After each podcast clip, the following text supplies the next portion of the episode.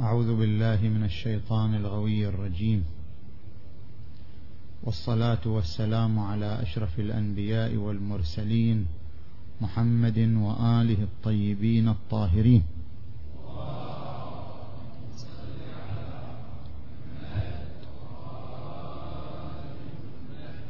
بسم الله الرحمن الرحيم. ومن آياته أن خلق لكم من أنفسكم أزواجا لتسكنوا إليها وجعل بينكم مودة ورحمة. صدق الله العلي العظيم.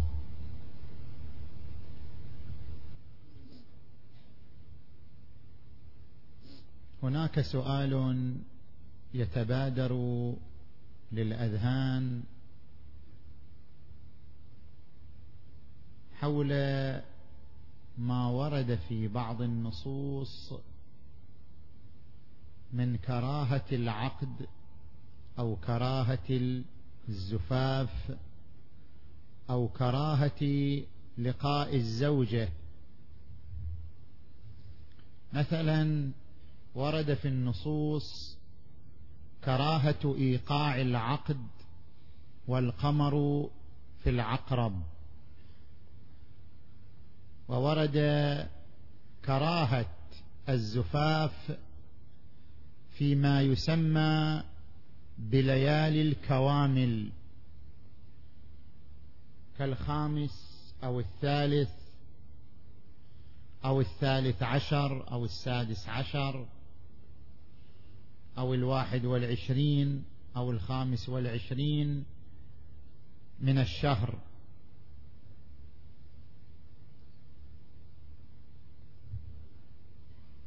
أو كراهة لقاء الزوجة في ليلة الخسوف أو ليلة الكسوف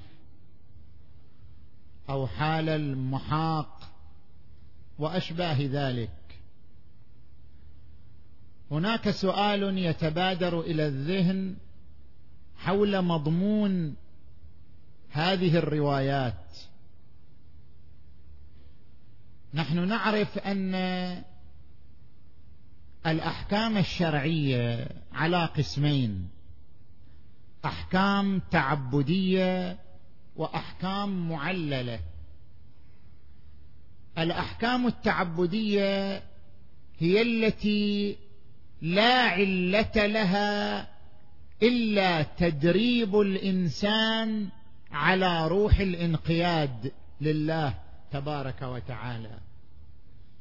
مثلا جعل صلاة المغرب ثلاث ركعات وجعل صلاة العشاء أربع ركعات وجعل الطواف بالبيت سبعة أشواط ورمي الجمرة في منى بسبع حصيات.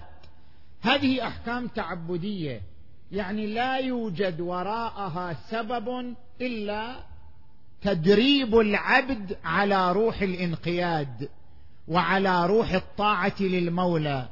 العبد إذا تعامل مع مولاه مع أوامر لا يفهم علتها ولا يفهم حكمتها ولا يفهم فلسفتها كان أكثر انصياعا وكان أكثر مطواعية لمولاه مما إذا فهم السبب لأنه إذا فهم السبب سوف يتعامل مع مولاه بالطريقة التي يراها تؤثر في هذا السبب.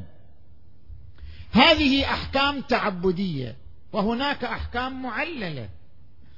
وجوب الصلاة معلل إن الصلاة تنهى عن الفحشاء والمنكر. حرمة شرب الخمر معللة. حرمة الربا لا تظلمون ولا تظلمون معللة. عندنا أحكام معللة وعندنا أحكام تعبدية. هذا النوع من المضامين التي وردت في الروايات. إيقاع العقد والقمر في العقرب مكروه. الجماع ليلة الخسوف أو الكسوف مكروه. الزفاف في بعض الليالي الكوامل مكروه. من أي سنخ؟ هل هو من سنخ الأحكام التعبدية التي لا ندرك علتها أو لا علة لها إلا تدريبنا على أن نكون مطيعين ومنقادين للمولى عز وجل أو أنها من سنخ الأحكام المعللة يعني أن لها علة أن لها ملاكات وراءها وبالتالي فما هو الهدف وما هي العلة من وراء هذه الأحكام؟ لماذا لا يكون عقد والقمر في العقرب؟ لماذا؟ لماذا لا يكون زفاف والليلة مسماة مثلا بليلة كوامل؟ لماذا؟ هل لأن الشريعة الإسلامية تريد أن تزرع في نفس الإنسان روح التشاؤم وروح آه، التعاسة من الزمن الذي يعيش فيه. هذا أسلوب تربوي خاطئ. الشريعة الإسلامية كأي شريعة كأي منهج تربوي آخر من مقتضيات التربية أن تربي الإنسان على روح التفاؤل أن تربي الإنسان على الانفتاح على الحياة أن تربي الإنسان على أن يمتلك روحا هشه أن يمتلك روحا منفتحة على مناحي الحياة وعلى حقول الحياة. التربية الحكيمة هي التي تربي على روح التفاؤل. قال الحياة كئيبة وتجهما قلت ابتسم يكفي التجهم في السماء. كن بلسما إن صار دهرك ارقما وحلاوة إن صار غيرك علقما. اذا الإنسان من طرق تربيته تربية حسنة أن ينفتح على الحياة أن يعيش روح المحبة والتفاؤل لا أن يعيش روح التشاؤم. من بعض الليالي أو بعض الأزمنة أو بعض الأوقات. وإذا كانت العلة وراء ذلك أن هناك تاثيرا مجهولا عندنا.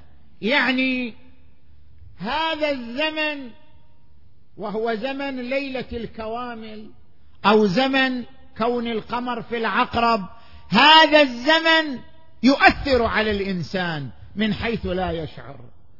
فهل يعقل تأثير الزمن على الإنسان؟ والزمن من صنع الإنسان. الإنسان هو الذي صنع الزمن. الزمن ليس له وجود في الواقع. الإنسان هو الذي اخترع مفهوم الزمن. هو الذي اخترع خط الزمن. فكيف يكون للزمن تأثير على الإنسان؟ مثلا الإنسان لما رأى شروق الشمس على الأرض انتزع الزمن وسماه نهار. لما رأى حركة الأرض اخترع زمنا وسماه ليلا. لما رأى حركة القمر اخترع زمنا وسماه شهرا.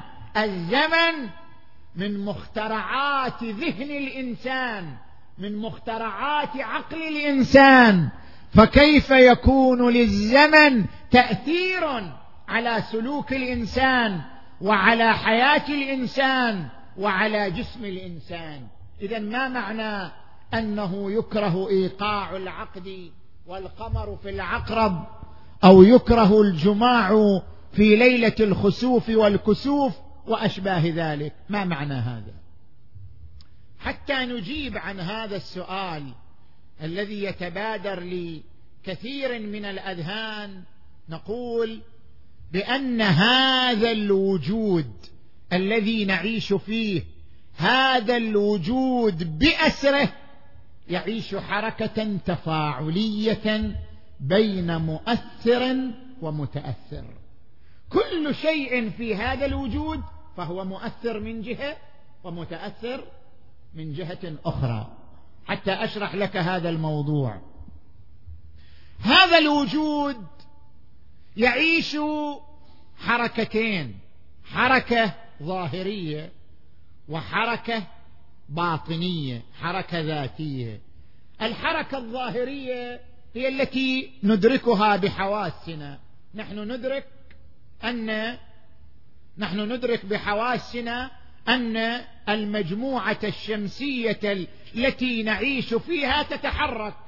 لا الشمس ينبغي لها أن تدرك القمر ولا الليل سابق النهار وكل في فلك يسبحون وترى الجبال تحسبها جامدة وهي تمر مر السحاب.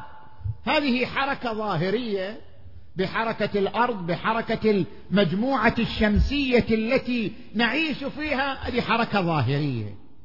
وهناك حركة واقعية حركة ذاتية في هذا الوجود بأسره. كل ذرة من هذا الوجود تتحرك.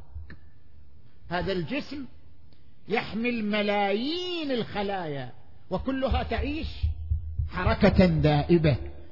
كل ذرة من الأرض من النبات من الحيوان من النجوم من المجموعات الشمسية كل ذرة في هذا الوجود تتحرك. حركة وجودية ذاتية. لكن نحن لا ندركها إلا من خلال الحركة الظاهرية. الكون كله من أصغر شيء إلى أكبر شيء يعيش حركة مستمرة حركة دائبة.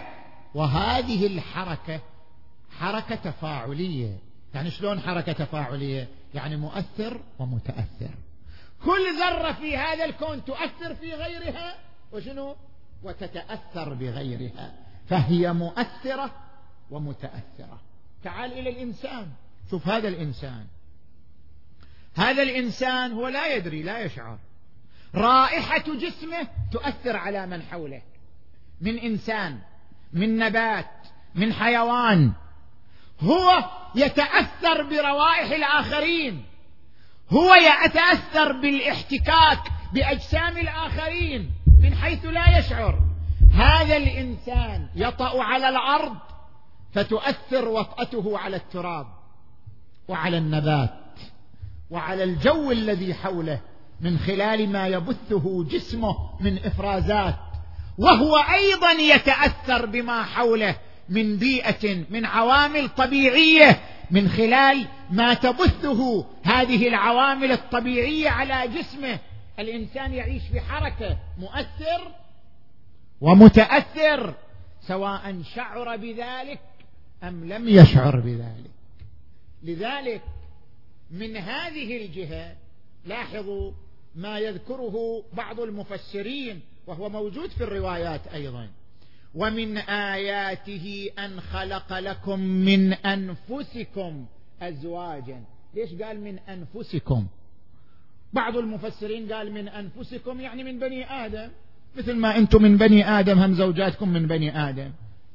بعض المفسرين قال من أنفسكم كناية عن العلاقة النفسية الحميمة بين الزوج وبين الزوجة. هناك علاقة نفسية وثيقة بين الزوج والزوجة. عبر عنها القرآن الكريم بقول من أنفسكم.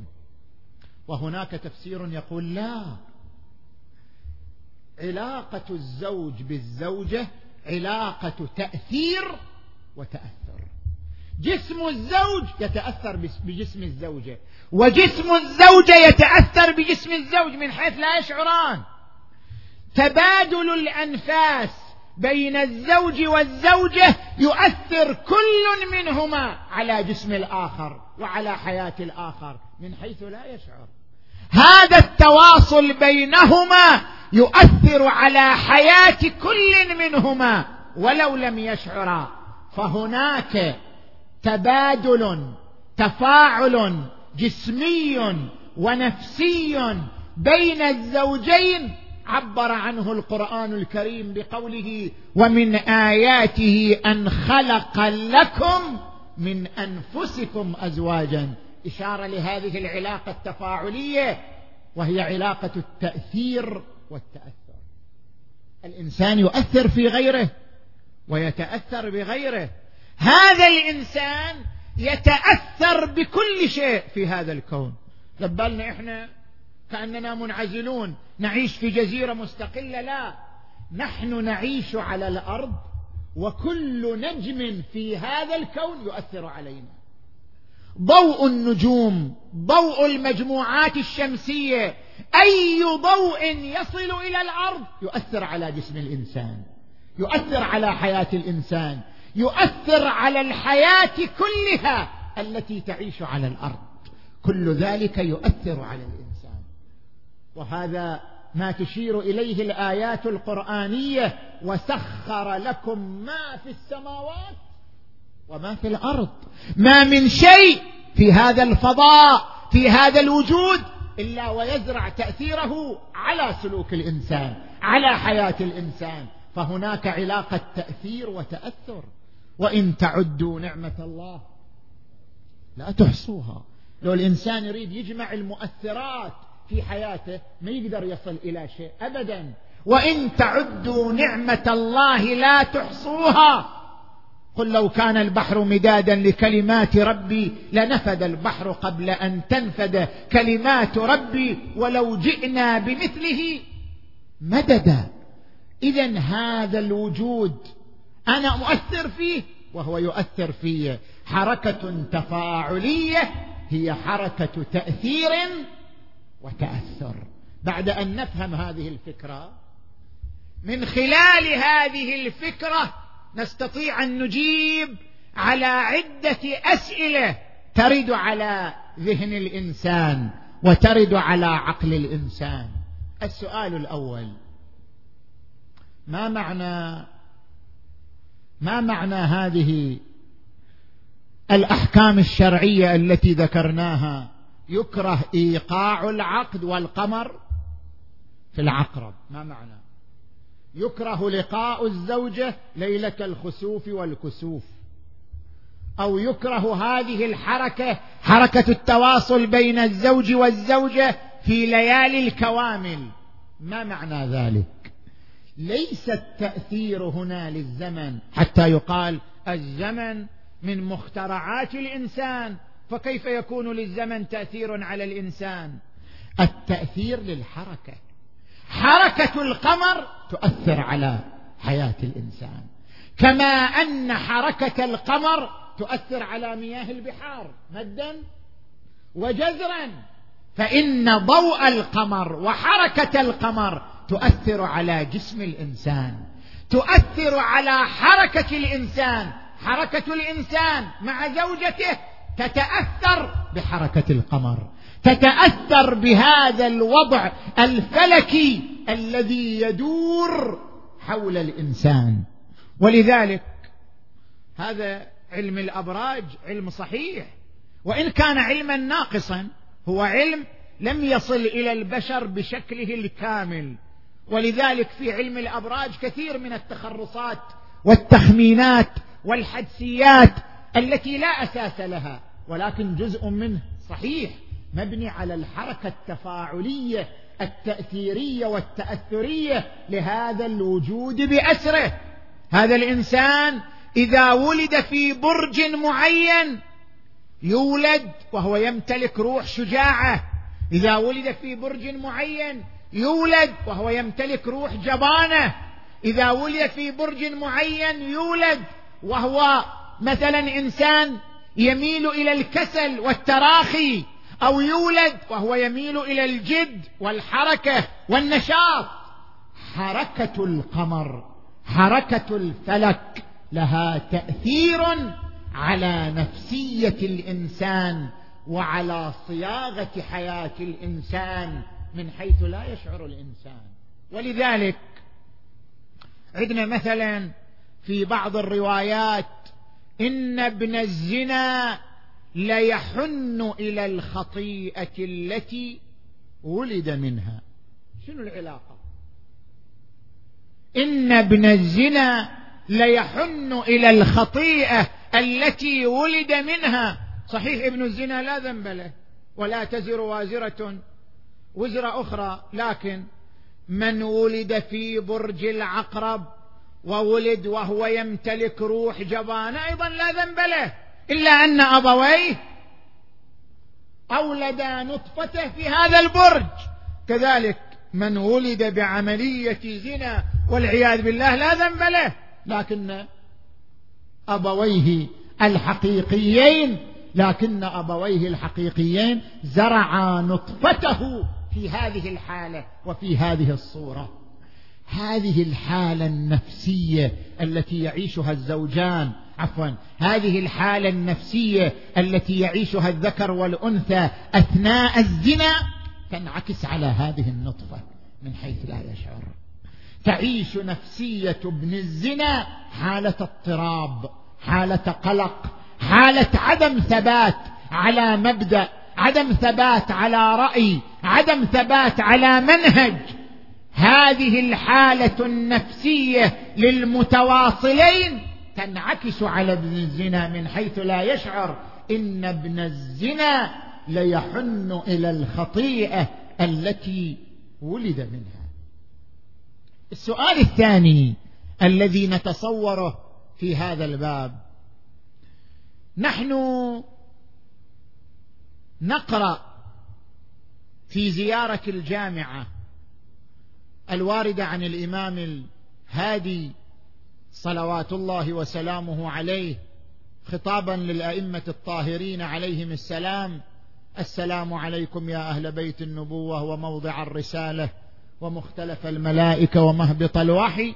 إلى أن يقول في الزيارة الإمام الهادي عليه السلام أرواحكم في الأرواح أنفسكم في النفوس آثاركم في الآثار قبوركم في القبور. شنو معنى هذه الألفاظ؟ أنا فسرت هذه الزيارة في عدة محاضرات بعدة معاني. من جملة المعاني هو ما بني على الحركة التفاعلية حركة التأثير والتأثر. بما أن هذا الوجود كتلة واحدة الوجود ليس جزر مستقله ليس جزر منفصله الوجود كله أسرة واحدة. كله يعيش تأثير وتأثر. لا يوجد شيء في هذا الوجود إلا وهو مؤثر ومتأثر. اذا من الطبيعي أن يكون لأرواحهم تأثير في الأرواح. من الطبيعي أن يكون لنفوسهم تأثير في النفوس. من الطبيعي أن يكون لأجسامهم تأثير في الأجسام من الطبيعي أن يكون لقبورهم يعني قبورهم لأنها تشتمل على أجسامهم تأثير في القبور الأخرى. هذا أمر طبيعي. حركة الوجود هي مبنية على التفاعل وعلى التأثير والتأثر. هذا أمر طبيعي جدا. غاية ما في الأمر تأثيرهم يختلف عن تأثير غيرهم.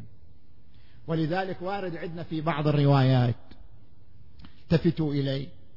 في بعض الروايات وارد أنه إذا وضع جسم الفاسق المصر على المعصية يضج أهل القبور من رائحته. يضجون منه هناك تأثير. يضج أهل المقبرة أهل القبور من رائحة هذا الجسم في وقت تعذيبه.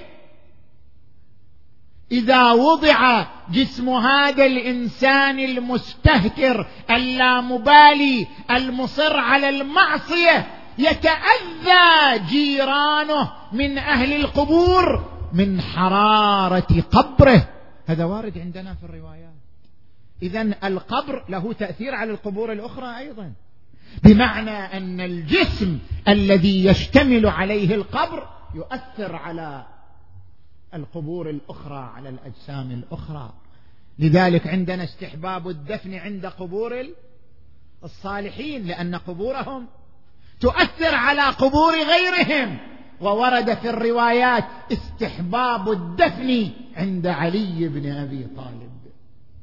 صلوات الله وسلامه عليه. فإن الدفن عنده يؤمن الإنسان من عذاب القبر. إذا مت فادفني إلى جنب حيدر أبي شبر مولى الورى وشبيري فتى لا يخاف النار من كان جاره ولا يختشي من منكر ونكير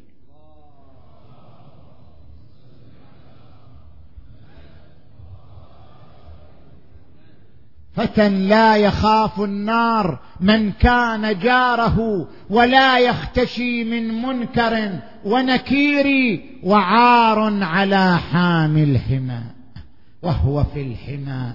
إذا ضل في البيدة عقال بعيري اذا القضية واضحة. قبور غيرهم تؤثر على القبور. أجسام غيرهم تؤثر على الأجسام. أرواح غيرهم تؤثر على الأرواح. فكيف بأجسامهم وأرواحهم وقبورهم؟ فإن لها تاثيرا على غيرها. لكن تأثير إيجابي تأثير إسعاد تأثير إنعاش. قبوركم في القبور أرواحكم في الأرواح أنفسكم في النفوس آثاركم في الآثار. كل هذا مبني كما ذكرنا على الحركة التفاعلية حركة التأثير والتأثر. السؤال الثالث الذي يرتبط بالفكرة التي ذكرناها ذكرنا هذا السؤال في بعض المحاضرات وهو أنه ما معنى قول النبي محمد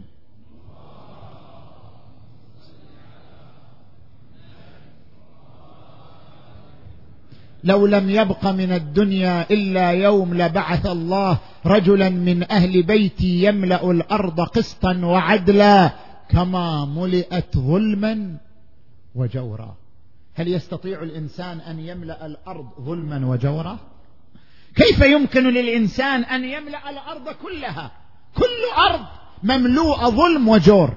هل يستطيع الإنسان أن يملأ الأرض كلها ظلما وجورا؟ نعم يستطيع. الإنسان يظلم الأرض يظلم الكون يظلم الوجود من خلال الحركة التفاعلية من خلال التأثير والتأثر.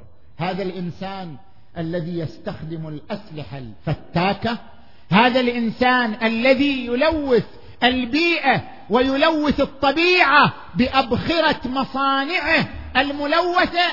هذا الإنسان عندما يكرس ظاهرة الاحتباس الحراري ظاهرة الاحتباس الحراري في بعض بقاع الأرض تؤثر على البقاع الأخرى تؤثر على الأعاصير تؤثر في فيضانات تؤثر في الفيضانات تخلق أعاصير بل قد تساهم أحيانا في حدوث الزلازل في بعض البقاع الأخرى. يعني الإنسان بأسلحته الفتاكة يستطيع أن يظلم الأرض كلها. الإنسان وهو يستخدم سلاحا فتاكا في بقعة من الأرض الإنسان وهو يستخدم أبخرة ملوثة في بقعة من الأرض يستطيع أن يظلم الأرض كلها.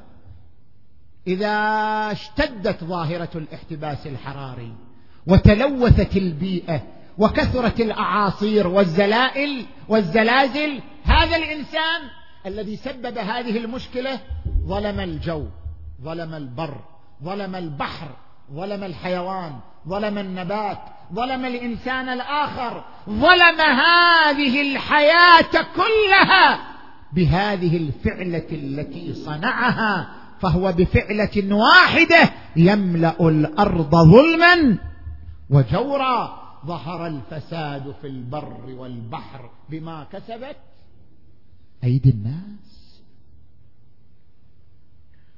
والسؤال الأخير الذي يرتبط بحركة التفاعل بين أجزاء الكون وذرات الوجود ما يسمى في علم الكلام بشبهة الآكل والمأكول. أكو في علم الكلام شبهة يسموها شبهة الآكل والمأكول. الإنسان يتغذى جسمه على النبات. والنبات يتغذى على ماذا؟ على الإنسان.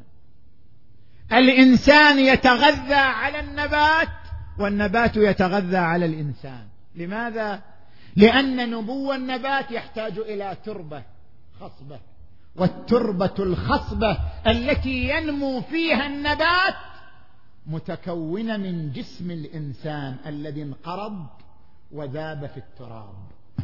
صاحي يقول أبو العلاء المعري صاحي هذه قبورنا تملأ الرحب فأين القبور من عهد عادي؟ خفف الوطء ما أظن أديم الأرض إلا من هذه الأجساد. رب لحد قد صار لحدا مرارا ضاحكا من تزاحم الأضداد. ودفين على بقايا دفين من قديم العهود والآباد. نحن نمشي على أجسام غيرنا. الأرض حوت مليارات البشر. تراب الأرض هذا التراب الخصب الذي ينبت لنا فاكهة وينبت لنا طعاما. هذا التراب الخصب تراب أجسام أجدادنا وأجداد أجدادنا. إذا الإنسان يتغذى على النبات والنبات يتغذى على الإنسان فالإنسان يتغذى على الإنسان من حيث لا يشعر. الإنسان يأكل من الإنسان من حيث لا يشعر يعيش على الإنسان الآخر من حيث لا يشعر. وحينئذ قد تأتي شبهة الآكل والمأكول طيب هذا الإنسان عصى الله. شرب خمرا أو زنى والعياذ بالله أو ارتكب الفاحشة والعياذ بالله. ارتكب الفاحشة بجسم وهذا الجسم يتغذى على جسم إنسان آخر. يعني ارتكب الفاحشة بأجزاء هي من جسم إنسان آخر. طيب هذه الأجزاء هل تعذب أو تنعم؟ إذا افترضنا الإنسان الأول أطاع الله بهذه الأجزاء. وانتقلت الأجزاء إلى من؟ إلى الجسم الإنساني الثاني. والإنسان الثاني عصى الله بهذه الأجزاء. فهي مادة واحدة. أحد الإنسانين أطاع الله بها والآخر عصى الله بها. هذه المادة الجسدية. إن عذبت فما ذنبها وقد أطاعت الله في جسم إنسان آخر. وإن نعمت فكيف تعذب لأنها باشرت المعصية في جسم إنسان آخر؟ هذا ما يسمى بشبهة الآكل والمأكول. والجواب عن هذه الشبهة أن العذاب والتنعيم لا يرتبط بالجسم. العذاب والتنعيم للروح وليس للجسم. الجسم مجرد أداة. الجسم مجرد آلة لإيصال العذاب أو إيصال النعيم إلى الروح. الجسم وحده لا يشعر بالعذاب ولا يشعر بالألم. الشعور للروح فالألم للروح والفرح للروح والعذاب للروح والنعيم للروح كل شيء يعود إلى الروح نفسها لا إلى الجسم. وبالتالي هذا الجسم أطاع الله مع إنسان أو عصى الله مع إنسان آخر هذا لا دخل له في مسألة العذاب المسألة ترتبط بالروح نفسها. حتى لو هذا الجسم انتقل من إنسان إلى مليون إنسان المهم أن العذاب للروح والنعيم للروح بواسطة الجسم الجسم مجرد آلة. فإذا كان الجسم لا يشعر بالألم ولا بالنعيم لولا الروح إذا الجسم لا يظلم إذا عذب وقد باشر الطاعة ولا يكون خلاف العدل إذا نعم وقد باشر المعصية مثله مثل أي جسم آخر ليس له ألم وليس له شعور الألم والشعور للروح فالعذاب لها والنعيم لها إن أحسنتم أحسنتم لأنفسكم وإن أسأتم فلها المرجع إلى الروح في مسألتي العذاب والنعيم. نسأل الله تبارك وتعالى أن يخفف عنا العذاب بمحمد وآله وأن يدفع عنا العذاب بمحمد وآله. اللهم صل على محمد وآل محمد. اللهم بالزهراء وأبيها وبعلها وبنيها والسر المستودع فيها. اللهم اغفر ذنوبنا واستر عيوبنا وكفر عنا سيئاتنا وتوفنا مع الأبرار. اللهم صل على محمد وآل محمد. اللهم كن لوليك الحجة بن الحسن. صلواتك عليه وعلى آبائه في هذه الساعة وفي كل ساعة وليا وحافظا وقائدا وناصرا ودليلا وعينا حتى تسكنه أرضك طوعا وتمتعه فيها طويلا.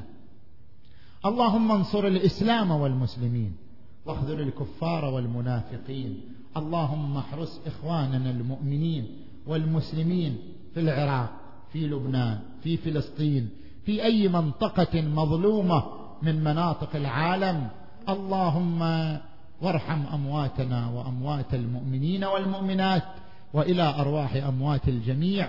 بلغ ثواب الفاتحة. تسبقها الصلوات.